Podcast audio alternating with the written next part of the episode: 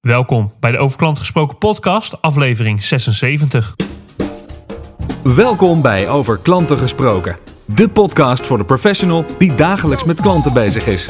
Jouw wekelijkse dosis kennis, inspiratie en energie voor de volgende stap naar een betere klantbeleving. Met uw host, Sydney Brouwer.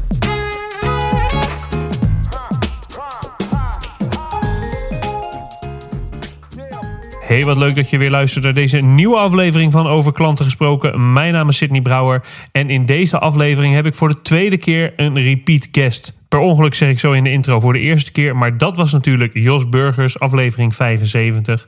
De tweede repeat guest is Xavier van Leeuwen, die je wellicht ook wel kent van aflevering 44.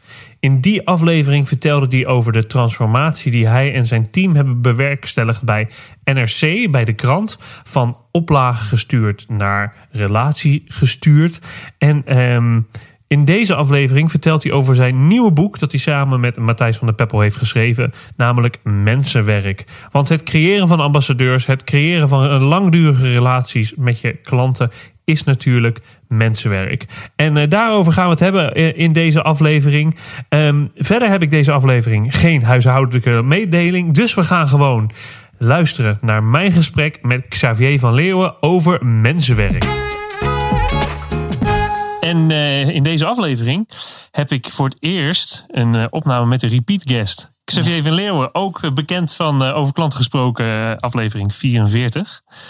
Toen had je een andere rol. Toen... Ja, toen werkte ik nog bij, bij NRC. Ja, bij NRC. Ja, ja. En nu, bij... voor, nu ben je overgestapt naar wat veel mensen denk ik denken de concurrent. Maar eigenlijk is het een broertje of een zusje. Ja, ik werk bij Mediahuis Nederland. Ja. En uh, wij hebben allemaal titels zoals De Telegraaf, um, Noord-Hollands Dagblad. Maar ook Privé, Autovisie, Vrouw. Ja. Dus, uh, dat, maar dat, we zijn onderdeel van hetzelfde bedrijf. Ja. Ja. En het, uh, waar wij het vorige keer over gehad hebben, is um, hoe NRC is verschoven van een papiergestuurde organisatie naar een relatiegestuurde organisatie. Daar ging ook het boek over dat je met uh, Matthijs van Peppel hebt geschreven. Ja. De relatie-economie. Maar nu heb jij een nieuw boek, hebben jullie een nieuw boek geschreven. En dat heet Mensenwerk. Ja. Uh, een titel die denk ik ons allemaal aanspreekt, omdat het intuïtief klopt. Klanten enthousiast maken is mensenwerk. Ja. Um, heel even nog kort of jij jezelf wil introduceren. Volgens mij heb jij maar ooit die tip gegeven dat jij uh, graag wil uh, dat, dat je het leuk vindt om iets meer van de mens achter de gast te horen. Dus wie is Xavier van Leeuwen? Um, ja, ik ben vader van twee jongens, Wiep Ja. en Tijn.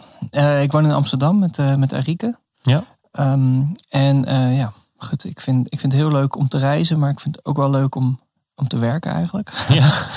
Uh, ja, ja, en met name met hele leuke mensen. Dus dat probeer ik privé en zakelijk eigenlijk te doen. Ja. En uh, dat lukt op het moment heel goed. Dus en voor de hele uh, oplettende luisteraar en lezer, jij komt voor in mijn boek. Klantgericht leiderschap. Ja, klopt. met een case. Ja, ja, ja, ja, ja. Dus dat is ja, leuk. Um, Cirkels rond. Ja. Precies. Mensenwerk. Wat, waar, um, um, hoe, uh, hoe is de relatie met de relatie-economie, het vorige boek? Um, daar wil ik het zo over hebben. Maar eerst kan je ons even meenemen in schetsen wat er gebeurt in media en vooral krantenland. Want dat is wel denk ik een hele relevante context voor waar we het over gaan hebben. Ja, het eerste is eigenlijk. Heel eerlijk, ik, uh, ik, ik voelde me altijd dat ik heel bescheiden moest zijn. Want ik kwam uit de dode bomen-industrie. Ja. Of dan kom je op verjaardagsfeestjes van kranten, is dat er nog. Uh, en dat hoor ik eigenlijk al heel lang. En ik dacht, ja, voel je, op een gegeven moment voel je een beetje Calimero. Denk je van, ja, mag ik ook een keer iets zeggen over uh, goed met klanten omgaan en digitalisering? Maar na het schrijven van het vorige boek is dat heel anders geworden. Oké. Okay. Um, het grappige is, uh, wij, wij werden overal uitgenodigd. Opeens, hè, je doet hetzelfde, maar mensen denken dan... hé, hey, die heeft wat te vertellen. Ja. Dus dan werden we uitgenodigd in het buitenland, maar ook in Nederland... bij een bank, een verzekeraar, een, een farmaceut, um, industriële bedrijven. Vertel nou eens wat jullie doen met data en, en, en klantgericht werken. En eigenlijk achteraf zei iedereen... Um, we zijn jaloers op jullie. En ik denk, waarom jaloers op ons? En zeiden ze, ja, bij jullie is disruptie 20 jaar geleden al begonnen. Bij ons begint het nu. Ja. Als je kijkt, eh, de fintech, weet je, banken zijn bloednerveus. Ze snappen het niet. Hè? Eh, Revolut bijvoorbeeld, zo, Ja. de nieuwe banksystemen. Ik geloof 600.000 nieuwe aanmeldingen per maand.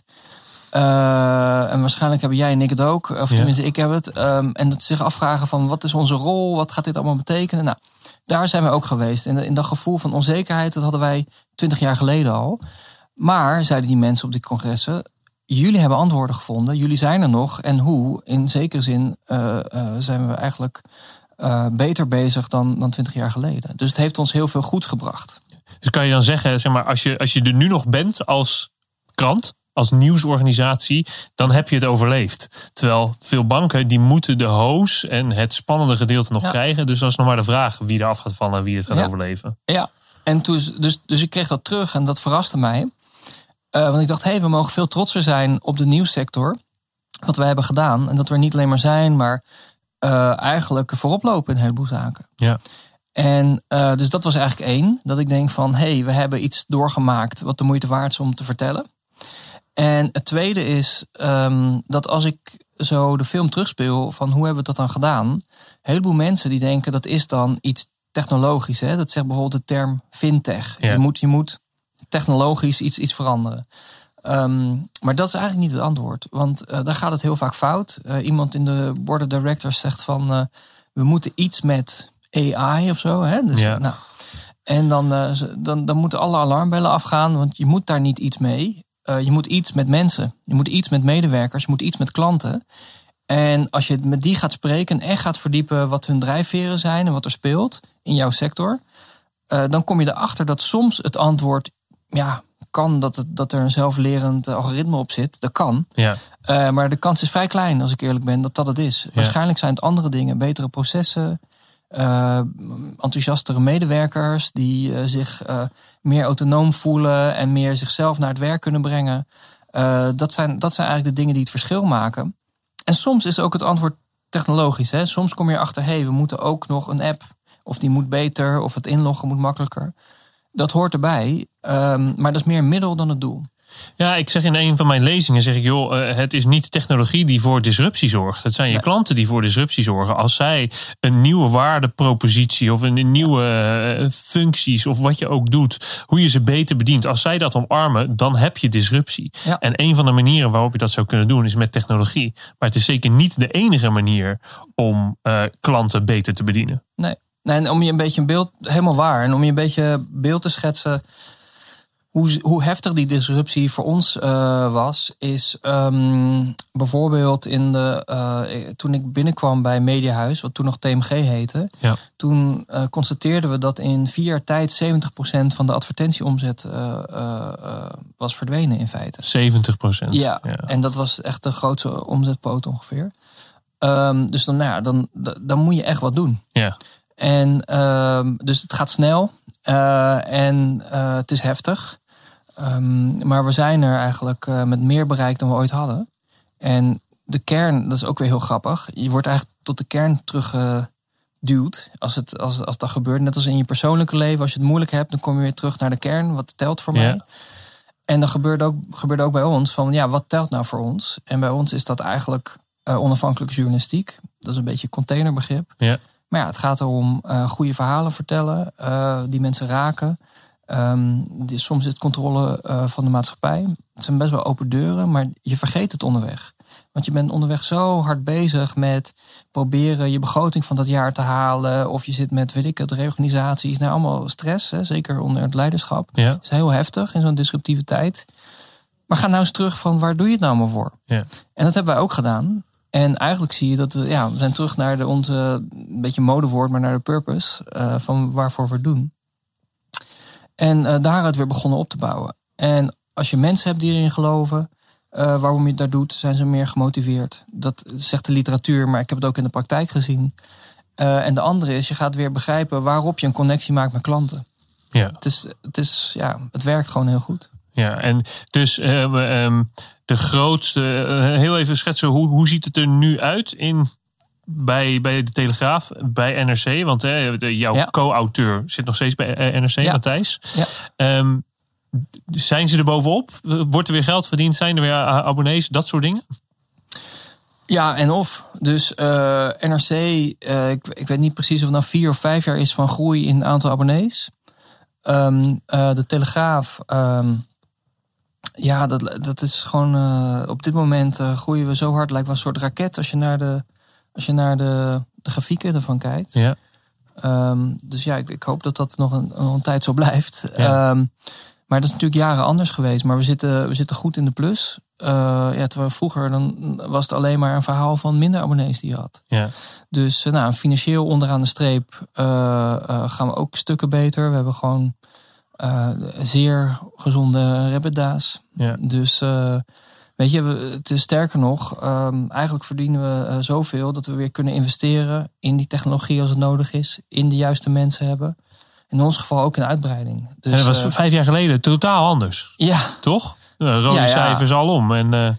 Nou ja, financieel, volgens mij werd er nog op veel plekken wel geld verdiend, maar het nam elk jaar af. Ja. En als je nu kijkt naar uh, Mediahuis, elk jaar neemt het met, met, uh, nou ja, met x procentpunt toe. Ja. En dat gaat met, zeg maar, met, soms met dubbel digit. Ja. En, en op, op, aan de winstmarge. En dat, dat is iets wat, ja, dat, wat voor had je dat niet zien aankomen. Nee.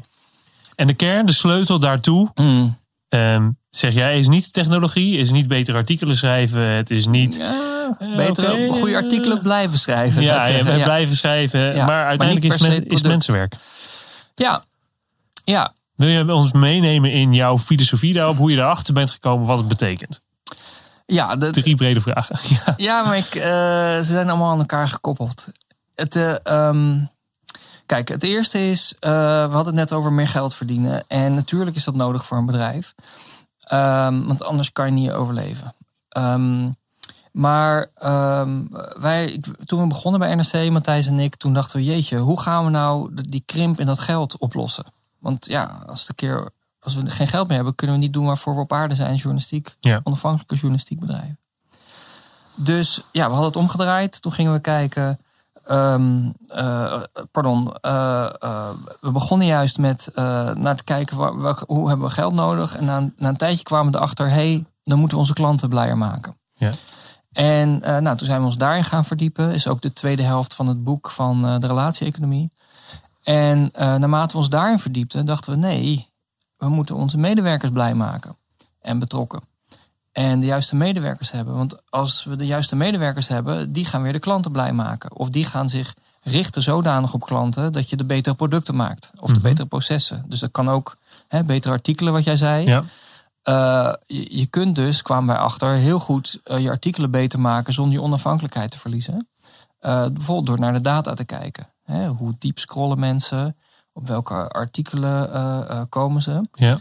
Um, welke artikelen delen ze? Um, Hoeveel tijd spenderen ze daar? Dat geldt ook voor video's, want we maken enorm veel video's. We ja. zitten aan 30, 40 miljoen videoviews uh, per maand. Dus Zo. dat is echt enorm gegroeid. Ja.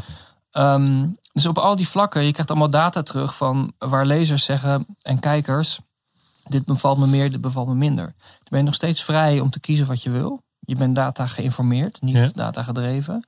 Dus je bent nog steeds onafhankelijk, maar je snapt het beter. Nou, dat is allemaal luisteren naar klanten, maar je moet de mensen hebben die de data in kunnen kijken, die bereid zijn dat te doen. Enfin, we begonnen bij marge, toen gingen we naar klantbeleving, toen gingen we naar medewerkersbeleving. En uiteindelijk zeiden we voor een goede medewerkersbeleving hebben we ook een bepaalde organisatiecultuur nodig. Uh, die, uh, ja, die op de ander gericht is eigenlijk. Ja. Hè, die op behoefte legt, een verbinding legt. We noemen het de cultuur van verbinding. Ja. Nou, ik noem het de klantgerichte cultuur, maar het is volgens mij allebei hetzelfde.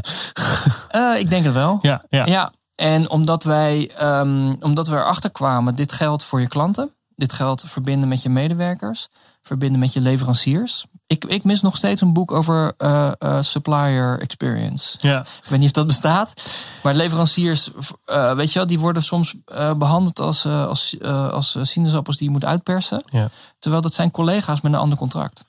Ik, ik geloof eigenlijk niet dat je, um, um, als je een klantgerichte organisatie bent of een verbindende organisatie bent, dat je Mhm. richting je klanten uh, heel erg leuk en happy en komt er allemaal bij, Mhm. uh, klantgericht kan zijn. En aan de andere kant, aan de achterkant, uh, dus de uitperser. Dat volgens mij past dat niet in één organisatie. Nou ja, en toch zijn er supermarkten, ik zal geen namen noemen, uh, die toch een soort dichotomie erin hebben. Want Ja. die bedrijven die werken in silo's. En de inkoopsilo is anders opgeleid met een andere cultuur dan de winkelsilo. Ja, ja. Uh, en uh, de twain shall never meet. Weet je wel, dat Ja, gevoel precies. heb je soms. Dat je denkt, hoe kan het toch, terwijl als ik jullie winkel instap, dat jullie zo uh, klantgericht zijn.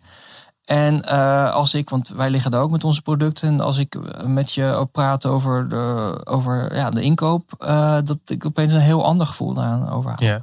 Dus volgens mij gaat het erom eigenlijk dat je in de kern uh, uh, hetzelfde gezicht naar iedereen toont. En dat is niet iedereen gelijk geven, maar wel iedereen begrijpen. En ik noem maar gewoon redelijk zijn. Hè? We hadden, het is uiteindelijk niet in het boek gekomen, maar we hadden eerst als, um, um, als motto hadden we iets van de, uh, een van de grootste Duitse filosofen. De uh, tech, techno-band Scooter. Hadden wij uh, het motto: uh, It's nice to be important, but it's more important to Ik be dacht, nice. Where is the fish? Dat is een ander nummer Ja. van ze volgens mij. En, uh, maar dat was het motto van het boek. Weet Sorry, je nog één keer? Wat? It's nice to be important, It's nice to but it's more important to be nice. Ja, ja. En, um, uh, en wat je ziet is dat, wat ik net zei, die inkoopafdeling kan zichzelf heel belangrijk vinden. Maar het is belangrijker eigenlijk dat je aardig bent. En waarom? Omdat je dan duurzame relaties ontwikkelt. En hetzelfde geldt voor aandeelhouders. Dus weet je, wij zeiden van je bent eigenlijk een soort spin in het web. Waarbij je eigenlijk die verbindende cultuur naar iedereen moet brengen. Dus daarom hebben we het boek ook mensenwerk genoemd en niet klantenwerk. Ja, Of, nou ja, ja. Uh, omdat het allemaal met elkaar verbonden is. Het is een manier van leven, een manier van denken. Um, je kunt, het is bijna een transformatie die je moet doorgaan als persoon en als organisatie. Um, en Dat, daarna, dat hebben we uh, ook, dit heb je in de vorige aflevering ook verteld. Dat dat bij jou ja, is begonnen. En dat Ja. je toen eh, hebt meegenomen naar de rest van de organisatie. Jou- Jouw organisatietransformatie is begonnen met een persoonlijke transformatie. Ja. En daar sta je nog steeds achter. Wat je toen hebt gezegd. nou, ik merk dat het weer waar blijkt te zijn. Ja, En, um, nou, en eigenlijk als je dat, als ik hem even samenvat, waarom hebben we dan dit boek geschreven? Um, we dachten, ja, we hebben er heel lang over gedaan. Vijf jaar lang om persoonlijk te transformeren. Om van marge naar klanten, naar um, medewerkers, naar cultuur te gaan. En toen dachten we, als we nou het recept, als we het over mochten doen en het recept mochten uitschrijven. Dan zouden we zeggen, begin bij je cultuur te definiëren, van Ja. bovenaf. Uh, met een klein groepje. Dat hoeft trouwens niet bovenaf in die zin alleen maar de directie te zijn. Maar de, wij noemen dat de coalition of the willing. ja, Dus ook een coalition of the unwilling. uh, kunnen we het ook over hebben. Maar de coalition of the willing. En eerst definiëren waar je voor staat. En, uh, want dat gaat elke keer terugkomen, hè, die purpose. ja. Uh, dan vervolgens eigenlijk de verbinding leggen naar, naar de medewerkers. En met hen, soms werken klanten heel goed erin dat je bijvoorbeeld samen klanten gaat bezoeken. En de medewerkers die. Um, ja, je verandert allemaal. Je leert elkaar kennen. Er zijn geen scheidingswanden tussen de silo's. Weet je, ik zou wel eens willen dat iemand die de klantbeleving organiseert bij een supermarkt ook meegaat met de inkoopafdeling en andersom. Ja. En dat ze elkaar een beetje kruisbestuiven. Um, enfin, misschien dat ik niet zoveel op die supermarkten moet ingaan, want die doen Uh, we, hartstikke we hebben goed nog geen namen of kleuren genoemd. Nee, dus, uh, maar, dat, maar ik, ik vind het ook niet helemaal fair. Maar ik bedoel, um, laat ik gewoon bij mezelf houden. Uh, wij zijn er ook niet goed in. Wij, Nee. wij scheiden ook alle afdelingen. Uh, en steeds minder. Dus we gaan met elkaar multidisciplinair in de auto. Dus een advertentieverkoper met iemand van de redactie. Iemand van de klantenservice met uh, um, iemand uh, van facilitair bedrijf. ja? Iemand van de marketing met, nou, et cetera. Zodat je ook intern je verbindingen krijgt. Dat is de essentie. Ja, Want eigenlijk oefen je in je inleven in de ander. ja, En je oefent in je eigen behoeften goed formuleren. ja. Dus het zijn allemaal van die soort softe onderwerpen of zo. Van mensen zeggen van dat is toch zakelijk. Weet je wel. Ik was gisteren een presentatie bij, ons, bij onze. Um, over het boek bij, bij onze uh, moederbedrijf in Antwerpen. Ja. En uh, het was heel leuk. Uh, we waren allemaal developers. En eentje die vroeg maar, praten jullie dan over gevoelens op het werk? ik zeg, ja, daar beginnen we eigenlijk mee. Um, dus we doen een check-in ja. van hoe is de energie. En eerst even, hoe voel je je? En um, dat is ook een soort regulerend principe voor de cultuur. Uh, de cultuur van verbinding. Nou, mooi. Um, ik vind het interessant. Je, je zei één ding, of één, één woord eigenlijk, maar dat viel mij op. Mm. Want in ons vorige gesprek uh, bij NRC was, dat, um, was er een soort Chinese muur tussen de uitgeverij en de redactie. Maar inmiddels hoor ik dat jij ook mensen van de redactie meeneemt in die eh, verbindende cultuur, dat zij zich er ook bij aan hebben gesloten, wat vroeger nog een uitdaging was. Ja, dus het klopt wel dat tussen meer afdelingen zaten Chinese muren hoor. Uh, iedereen in zichzelf gericht. Iedereen kent een stukje van de keten. En maar heeft zich weinig geïnteresseerd in wat er daarvoor en daarna gebeurt. Uh, dat was zo bij NRC, dat is veranderd bij NRC. Ja. Uh, dat was zo, als ik eerlijk ben, ook bij Mediahuis Nederland. Ja. En dat is aan het veranderen. We zijn nog lang niet klaar. Misschien ben je nooit klaar daarmee. Um, ja, maar het is wel, het is, het is wel echt fundamenteel anders. Ja. Dat, uh, de, um, ja, er wordt wel naar elkaar geluisterd. In die zin niet luisteren van gelijk geven over alles, maar begrijpen waarom, waar die vandaan komt. Ja. En soms gebeurt het nog, hè, dat er, ik noem maar van de oude cultuur wat omhoog komt, van daar heb ik niks mee te maken. Nou, dan moeten we het gesprek aangaan. En dat, kost, dat moet je vaak doen overigens. Dan moet je Ja. de energie in stoppen. En dat hoort allemaal bij de cultuurontwikkeling. Want ik heb heel veel literatuurstudie weer gedaan hiervoor. Uh, echt, echt een stapel, uh, nou ja, uh, ik, ik, denk wel bijna een meter hoog van boeken. Want ik, ik had zo in de keuken liggen. Ja. Um, en dan zie je eigenlijk dat een heleboel bedrijven die, die doorheen zijn gegaan, het heeft hen wel drie tot vijf jaar gekost om echt helemaal te veranderen. Soms zeven jaar. Om echt van boven naar beneden, links tot rechts te veranderen. Ja. En ik werk er nu twee jaar bij, bij Mediahuis. En we zijn veel harder gegaan dan ik had kunnen denken. Het is echt ongelooflijk. Een soort tanker die omdraait. Ja. Uh, maar we zijn echt niet klaar of zo. Nee. Dus een, uh, ik zei een keer, ik heb een cultuurverandering. En toen corrigeerde iemand mij. Die zei, het is een cultuurontwikkeling. Oh, mooi. Ja. Want ja. hij is niet veranderd op een gegeven moment. Het blijft zich ontwikkelen. Ja. Um, van purpose naar cultuur. Mhm. Hoe hebben jullie de cultuur gedefinieerd? Hoe doe je dat iets? Hoe hebben jullie ervoor gekozen om dat te doen? Um, ja, het zijn heel veel methoden. Wat wij uh, hebben gedaan, we zijn, we, gaan, we zijn door een gestructureerd proces heen gegaan. Met een uh, collega van Wayne Park gekend. Dat is onderdeel van ons bedrijf. Ja. Uh, die zijn er gewoon super goed in. En eigenlijk door een serie vragen te stellen. Um, echt de makkelijkste vragen. Maar wat, waar, waar, zij, hè, waar zijn wij eigenlijk? Wat verkopen wij? Ja.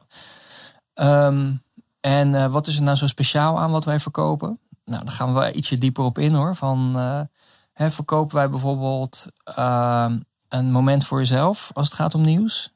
Uh, of de bekende op de hoogte zijn? Of verkopen wij eigenlijk controle van de, van, de, van de machten? Um, nou, terwijl vroeger had je misschien zelf, wat verkopen wij? Ja, nieuws of kranten of weet je wel, ja. website-abonnementen. Nou, en dan probeer je iets dieper te komen. En eigenlijk zijn we zo gaan filteren van wat de essentie was van wat wij hebben. En in een sessie van een paar uur kwamen we erop dat we hadden. We kwamen op vier dingen terecht van waar we zeiden van hé, hey, waarom, wat maakt ons dan anders? Um, het is wel grappig, het is een acroniem geworden, moed met een D. Ja. Het is heel moedig om dat te zijn, denk ik. Uh, we hebben gezegd, het is menselijk, onafhankelijk, excellent en duurzaam. Mm -hmm. En uh, menselijk, nou ja, het boek Mensenwerk. Um, dat gaat dus eigenlijk over van uh, de ander be begrijpen. Ja. En dat willen we dus naar iedereen toe doen. En dat is moeilijk, hè? Want als er dan iemand wordt ontslagen, wat gebeurt? Ja. Omdat hij in, niet in het team past, of nou, noem maar op, of we hebben een verkeerde hire gedaan. Dan kan je zeggen dat is niet menselijk. Maar dat is juist wel menselijk, omdat, um, vind ik, omdat hè, dat is net als een, een. Als je een glas water neemt, doet één druppel vergiftiging, kan je niet drinken. En ik heb gemerkt, één iemand die helemaal niet op zijn plek zit, die kan een heel team omlaag krijgen. Ja. Um, dus het is veel menselijker naar de collega's die blijven om daar toch wel op in te grijpen. Maar dat zijn best wel moeilijke gesprekken hoor. Don't hire brilliant jerks. En daarmee zeg ik niet dat jerks zijn, maar dat zijn sommige organisaties. Wij willen liever, we, we, willen niet iemand hebben die supergoed is, maar qua persoonlijkheid niet in team past. Uh, want de, dan doet hij meer schade dan dat hij goed doet. Ja, dus ze zeggen ook wel uh, DNA, not MBA. Ja. ja. Um, en ik vond ook wel een aardige, volgens mij staat hij ook in het boek. Um, um, managers spend 2% of their time uh, hiring the wrong people and 75% of their time managing them. Ja, ja. Uh, en zo is het toch wel een beetje. Dus het hele selectieproces is super belangrijk. Uh, maar ja, hoe doe je dat op een menselijke manier en gestructureerd? En nou ja, uh, we willen excellent zijn. Wat betekent dat dan? Onafhankelijk betekent ook mensen de ruimte geven om zichzelf te zijn. Ja. Niet alleen maar in de journalistiek. Ja, en duurzaam, daar proberen we dus voor te gaan. Duurzame relaties met adverteerders, met lezers, Uh, maar ook met ons personeel, maar ook met um, uh, leveranciers. Ja. Ja. eigenlijk overal aandeelhouders. Hè? Mijn, de, de- onze aandeelhouder die, die zegt altijd: We're here to stay. En, ehm, en van Mediahuis. En denk Ja. van ja, dat vind ik gaaf. Want dat, dat betekent dat we iets kunnen bouwen. Je kan een fout maken, eh, maar daar mag je van leren en, en dan weer beter worden. Ja. En in een cultuur die zeg maar niet op de lange termijn is gericht, durft niemand meer te experimenteren. Je wordt afgestraft. Ja. Dat moet je niet hebben. Nee, en dat is wat je vaak ziet op het moment dat er bijvoorbeeld private equity partijen of zo inkomen. Ja, er wordt binnen twee jaar de tent eh, verbouwd zijn, zodat het weer voor meer verkocht kan worden. Maar het zorgt er wel voor dat je innovativiteit, je verbinding, allemaal schade oploopt. Ja, dat is niet mijn ervaring overigens. hoor. Nee, oké, dat is. eh, Ik, ik heb voor private equity gewerkt. Ja. Ehm, dus eh, die durf ik wel te noemen, dat is Egeria. Ja. En ik, dus alles wat je hoort over private equity geldt in ieder geval niet voor hen. Oké, Ik heb een heel, heel grappig voorbeeld. Dat eh, op een gegeven moment, eh, we waren vlak voor de verkoop naar Mediahuis bij NRC.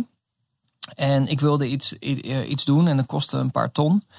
En ik weet nog, ik zei toen tegen de mensen van Egeria, ik zeg ja, ja ik, kijk, ik ben dit van plan, maar waarschijnlijk moet ik het niet doen. Want ja, de returns die komen pas in de komende jaren. En, eh, en dat is niet goed voor jullie multiple. En, eh, en toen stelde hij één vraag. Hij zei van, hij zei, is het goed voor het bedrijf? Ik zeg, ja, het is wel goed voor het bedrijf. Toen zei hij, ja, waar wacht je dan op? ja, nou, mooi. Heel mooi. En dus juist zij gaven de ruimte om onszelf opnieuw uit te vinden. Ik geloof niet dat ik het onder de eigenaar voor Egeria had kunnen doen. Dat Nee. vorige boek had kunnen schrijven of had kunnen staan waar ik nu ben. Ze stelden moeilijke vragen, dat is wel waar. Ja, ja terecht. Ja. En terecht. En, en in het begin vind je dat irritant. Na een tijdje denk je, ja, ze hebben wel een punt. Ja. Ehm, en, eh, maar ze geven ook wel de mogelijkheid om, om iets nieuws te doen en te investeren. En hè, uiteindelijk, ehm, er zal ook iets van eigen belang zijn. Hè? Want stel dat het niet verkocht was, dan was het ook goed geweest om, wel te om Ja. het wel te doen. Laat ik ook eerlijk zijn. Maar, eh, maar ik vond het wel cool. ja, zeker. Dus het kan, ik, nou, dat is weer aardig. Het kan allemaal op een andere manier. Ik, Ja. ik wil niet zeggen er is een soort derde weg of zo, maar je kunt private equity kan zeg maar met verbinding. Eh, net zoals een bedrijf runnen kan vanuit verbinding. Ja, mooi. Purpose. Cultuur. Die heb je in. Noem jullie het waardes? Welke woorden hebben jullie gegeven aan die aan moed? Die eh, MOED, ja, ehm, ja, die noemen wij waardes. waardes. En heb je dat eh, vervolgens ja. dan nog in gedrag of iets dergelijks nog verder uitgedestilleerd? Of dit is het? Nou, voor ons eh, eh, is dit het. Eh, in die zin, ehm, dit vertaalt zich weer op andere plekken. Dus neem eventjes onze recruitment. Dus dan hebben wij een heel gestructureerd proces, waar ik nog best op in kan gaan. Ehm, want het is een heel belangrijk proces. Ja. Ehm, en on- onderaan de vragenlijst, of bovenaan, ik weet niet precies hoe welke afdeling het heeft, maar checken we ook op de waardes van het bedrijf. Ja. Dat is een voorbeeld. Maar een andere, eh, bijvoorbeeld bij de HR-afdeling, zijn begonnen met de dialoogregels op te stellen. Hoe gaan we met elkaar om als we praten Mhm. met elkaar? En als we ideeën, hè, is het een vraag of is het een mening? als er is er iets eh, gezegd wordt. Ja. Dat is, eh, nou ja, en dus wat er gebeurt, dat menselijke, dat wordt geoperationaliseerd op verschillende plekken in het bedrijf. Ja, dus het is niet alleen maar de, de, de, de woorden op de muur. Het, Nee. er, er wordt echt meegewerkt overal op een eigen manier. Iedereen geeft op een eigen manier invulling aan. Ja, een facilitair bedrijf. Oké, wat betekent voor ons dan menselijk onafhankelijk, eh, Ja. excellent en duurzaam? En wat is een menselijke ontvangst? Want we hebben ook beveiligingsvraagstukken. Ja. Hoe houden we het dan toch menselijk? Ja, ja, ja. Waar jij trouwens veel van af weet. Ja, dat is, daar, ben ik, daar zijn we elkaar tegengekomen. In de, toen ik nog in de beveiliging zat bij NRC. Ja, bedrijf, bedrijfje aan het starten als bijbaantje. Ja. ja. Ehm, maar eh, over die mensen. Hè. Het boek heet Mensenwerk. Ehm, mensen zijn cruciaal voor een organisatie. Dat weten we allemaal. Maar hoe vind je de juiste mensen? Ehm, nou, volgens mij begint het met de definitie: wat zijn de juiste? Ja. En ja, hoe wij eh, dat doen, we hebben gezegd, we hebben een paar de basisregels. En eh, we, eh, we noemen dat eigenlijk, hebben dat geleend van Steve Jobs, we noemen dat A-spelers. Eh, want Steve Jobs heeft gezegd, A-spelers die, die willen graag werken met andere A-spelers. Die, die, hè? En B-spelers die recruteren C-spelers. Want die, Ja, willen, die willen zelf niet bedreigd worden. En, en dat is mijn ervaring ook. Hè? Dus wij hebben gezegd, we willen altijd mensen aannemen die groter zijn dan wij. Eh, die beter, meer kunnen. Ik heb altijd geprobeerd mensen aan te nemen die meer kunnen dan ik. ehm, die beter zijn dan ik. En eh, ik geloof dat het Ogilvy is, of Ogilvy, hoe spreek je dat uit? Ja. Die heeft gezegd van als je elke keer iemand eh, aanneemt die kleiner is dan jij, dan word je een organisatie van dwergen. En als je elke keer iemand aanneemt die groter is dan jij, dan word je een organisatie van reuzen. Ja, Zoals die. Russische poppetjes, weet je. Ja, ja. Petrushka's. Ja, Ja, Petrushka's. En nou, dus wij hebben gezegd, oké, wij willen dan A-spelers. En A-spelers, dat klinkt ook weer niet zo menselijk. Dat klinkt van, we hebben een soort ubermenschen nodig. Nou, dat bedoelen we niet. We bedoelen eigenlijk in elke functie kan iemand A-speler zijn. En dat heeft altijd een paar elementen. Eén, ze zijn zowel mensgericht als resultaatgericht.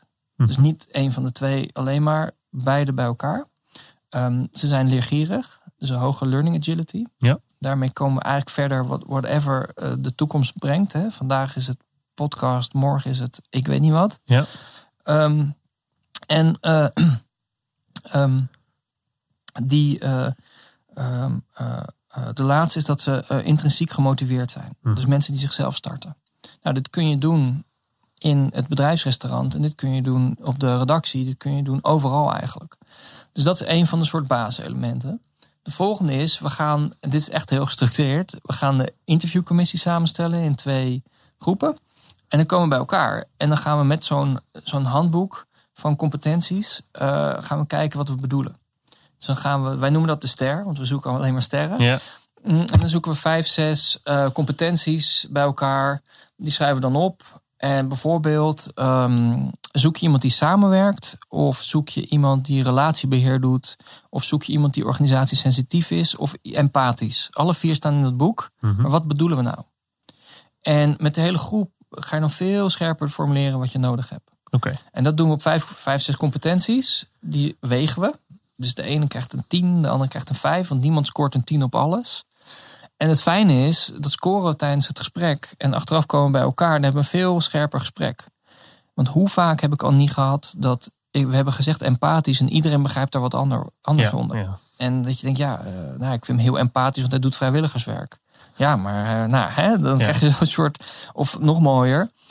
Mensen geven elkaar, eh, een, een, of zegt dan geven elkaar een hand en zeggen, ja, was een slap handje. En dan zeg ik, ja, waar stond dat in de, in de competenties dan, dat hij een stevige hand moest geven? Ja. Eh, of hij keek me niet aan tijdens het gesprek. Dus je krijgt allemaal irrelevante dingen, die filter je eruit. Ehm, vervolgens kun je, omdat het gewogen criteria zijn, weet je echt, weet je wel, voldoen ze op wat echt belangrijk is. Als het antwoord ja is, dan hebben we nog een tweede ronde met een assessment. De competenties komen uit het assessment competentiehandboek. Ja. Dus, dan, dus dan heb je nog een keer eh, gevalideerd. En eh, ik vond het wel heel grappig. We, we hadden het eerder over eh, Ray Dalio en Principles. En hij is echt heel erg. ehm, nou ja, hij heeft het erg gestructureerd. hij zegt bijvoorbeeld: als ik kan kiezen tussen een interview, een gesprek en een assessment. Als ik maar één mag doen, dan doe ik altijd een assessment. Ja. Eh, enfin, dus, dus we doen altijd een assessment erbij. En eh, vervolgens zijn we unaniem in het beslissen. Oké, dus als één iemand zegt nee, dan is er een veto. Ja, dat is maar een paar keer gebeurd. Dus iemand uit het team. Dus ik bedoel, ik ben de directeur, hè, maar Ja. eh, dat, ik heb net zoveel stem als alle anderen. Ehm daar moeten heel veel mensen aan wennen trouwens. Dat, Ja. eh, dat vinden ze heel gek. Maar het is essentieel, want wat weet ik nou echt wat die analisten doen elke dag? Ja. Eigenlijk heel weinig. Ik, snap wel wat hun uitkomst, hun output, maar ik snap hun werk niet echt. Nee. Dus zij kunnen veel beter beoordelen of dat gaat werken of niet. Als voorbeeld. Mooi. Ja. En het werkt. Deze, deze methode werkt voor jullie heel goed. Ja, dus onze, onze slagingspercentage, zou ik maar zeggen, van mensen die lang bij ons blijven. En dat is het doel, hè? duurzame Ja. relaties. De D van duurzaam. Eh, ja, dat gaat enorm omhoog. Wauw. Dus, eh, dus het is, weet je, eigenlijk moet je mensen selecteren eh, en ook klanten selecteren. Je moet niet iedereen, eh, niet iedereen maar aannemen. Nee. En ja, dat is eigenlijk, het, het is, als je maar één ding onthoudt van deze podcast, zou ik zeggen, onthoud dit. Maak een veel gestructureerder proces van je, van je selectie, van je recruitment. Hey, dus ehm, eh, het proces is, je begint met waarom je er eigenlijk bent. Wat doen wij? Hè? Wa- Waarom zijn we er als organisatie? Ja. Vervolgens zou ik zeggen, cultuur gaat over, oké, hoe geven we daar invulling aan? Ja. En de, de derde is met wie? Met wie doen we dat? En daar, ehm, die vraag kan je eigenlijk pas goed beantwoorden als je vraag 1 en 2 hebt beantwoord. Ja. Want anders ga je, nou ja, dan ga je op cv's en opleidingen. Alles wat er in het verleden is gebeurd, ga je op Ja. selecteren, maar niet op wat de toekomst gaat brengen. Exact. Ja. En, eh, en het is gewoon, eh, het is allemaal open deur, maar eh, toch gebruiken we het niet elke dag. Het is gewoon zoveel leuker werken met goede mensen. Ja, ja. Eh, de juiste, hè, bedoel ik daarmee. Het zijn geen Ubermenschen, maar gewoon de juiste mensen. Ja. En eh, nou, als je werk leuker is, eh, dan ga je er meer energie in steken. En uiteindelijk ga je ook meer voor klanten doen. Ja. En als je gewend bent met afdelingen naar elkaar te luisteren, hè, de vijand zit niet binnen, maar die, ik weet niet, er is geen vijand. Nee, precies. Er is gewoon geen vijand. Dus laten we naar elkaar luisteren. En dan ga je dat ook met klanten doen. Ja. En eh, als je het met klanten gaat doen, nou, daar zijn heel veel van jouw podcasts gaan daarover. Iedereen weet dat gaat uiteindelijk ook je, je rentabiliteit verbeteren. Ja. Maar dat is, dat, dat is voor ons de sequentie eh, Ja. geweest. En eh, ja, daar hebben we, dat hebben we eigenlijk proberen op te schrijven. Ja, met een combinatie van wat zegt de literatuur erover. Die bleek dus ook wel overdonderend veel literatuur over te zijn. Ja. Ehm, wat was onze eigen ervaring? Welke fouten hebben we gemaakt? Wat, wat hebben we geleerd? Dus wel praktisch gemaakt. En zet het nou in de goede volgorde. Wat is het stappenplan? Ja, gaaf. Daar ehm, kunnen we alles over teruglezen in eh, Mensenwerk. Dat komt Ja. uit in april. Ja. Eh, nou, ongeveer deze podcast ook eh, ongeveer. Ehm dankjewel voor je toelichting. Eh, de- het linkje naar het boek, het linkje naar jouw LinkedIn als het mag, eh, zet ik eh, in de show notes bij deze aflevering. En ook het linkje naar ehm, aflevering 44 van Over Klanten Gesproken podcast, waar jij ook te gast was. Leuk als mensen die misschien na, na elkaar luisteren, dan, dan, ja, dan kan je een vergelijking maken. Zoek Of de de- verschillen, ja. ja, ja de, je zoekt de verschillen, maar ook zoekt de ontwikkeling. Want daar ging het uiteindelijk. Geen ver- verandering, maar ontwikkeling. Ja, de cultuurontwikkeling. Ja, klopt. Xavier, mag ik je bedanken voor jouw komst naar de studio. En ehm, weer voor een inspirerend boek. Dank je, Sydney. Vond het heel leuk. En dankjewel dat je weer hebt geluisterd naar deze nieuwe aflevering van Over Klanten Gesproken. Eh, de volgende dinsdag, de eerste dinsdag van mei, is er gewoon weer een nieuwe aflevering online. En ik kan je nu al zeggen, dat is met Kevin Weijers over het belang van experimenteren. Hopelijk luister je dan weer. Eh, bedankt voor nu en eh, tot de volgende Over Klanten Gesproken. Bedankt voor het luisteren naar deze aflevering van Over Klanten Gesproken.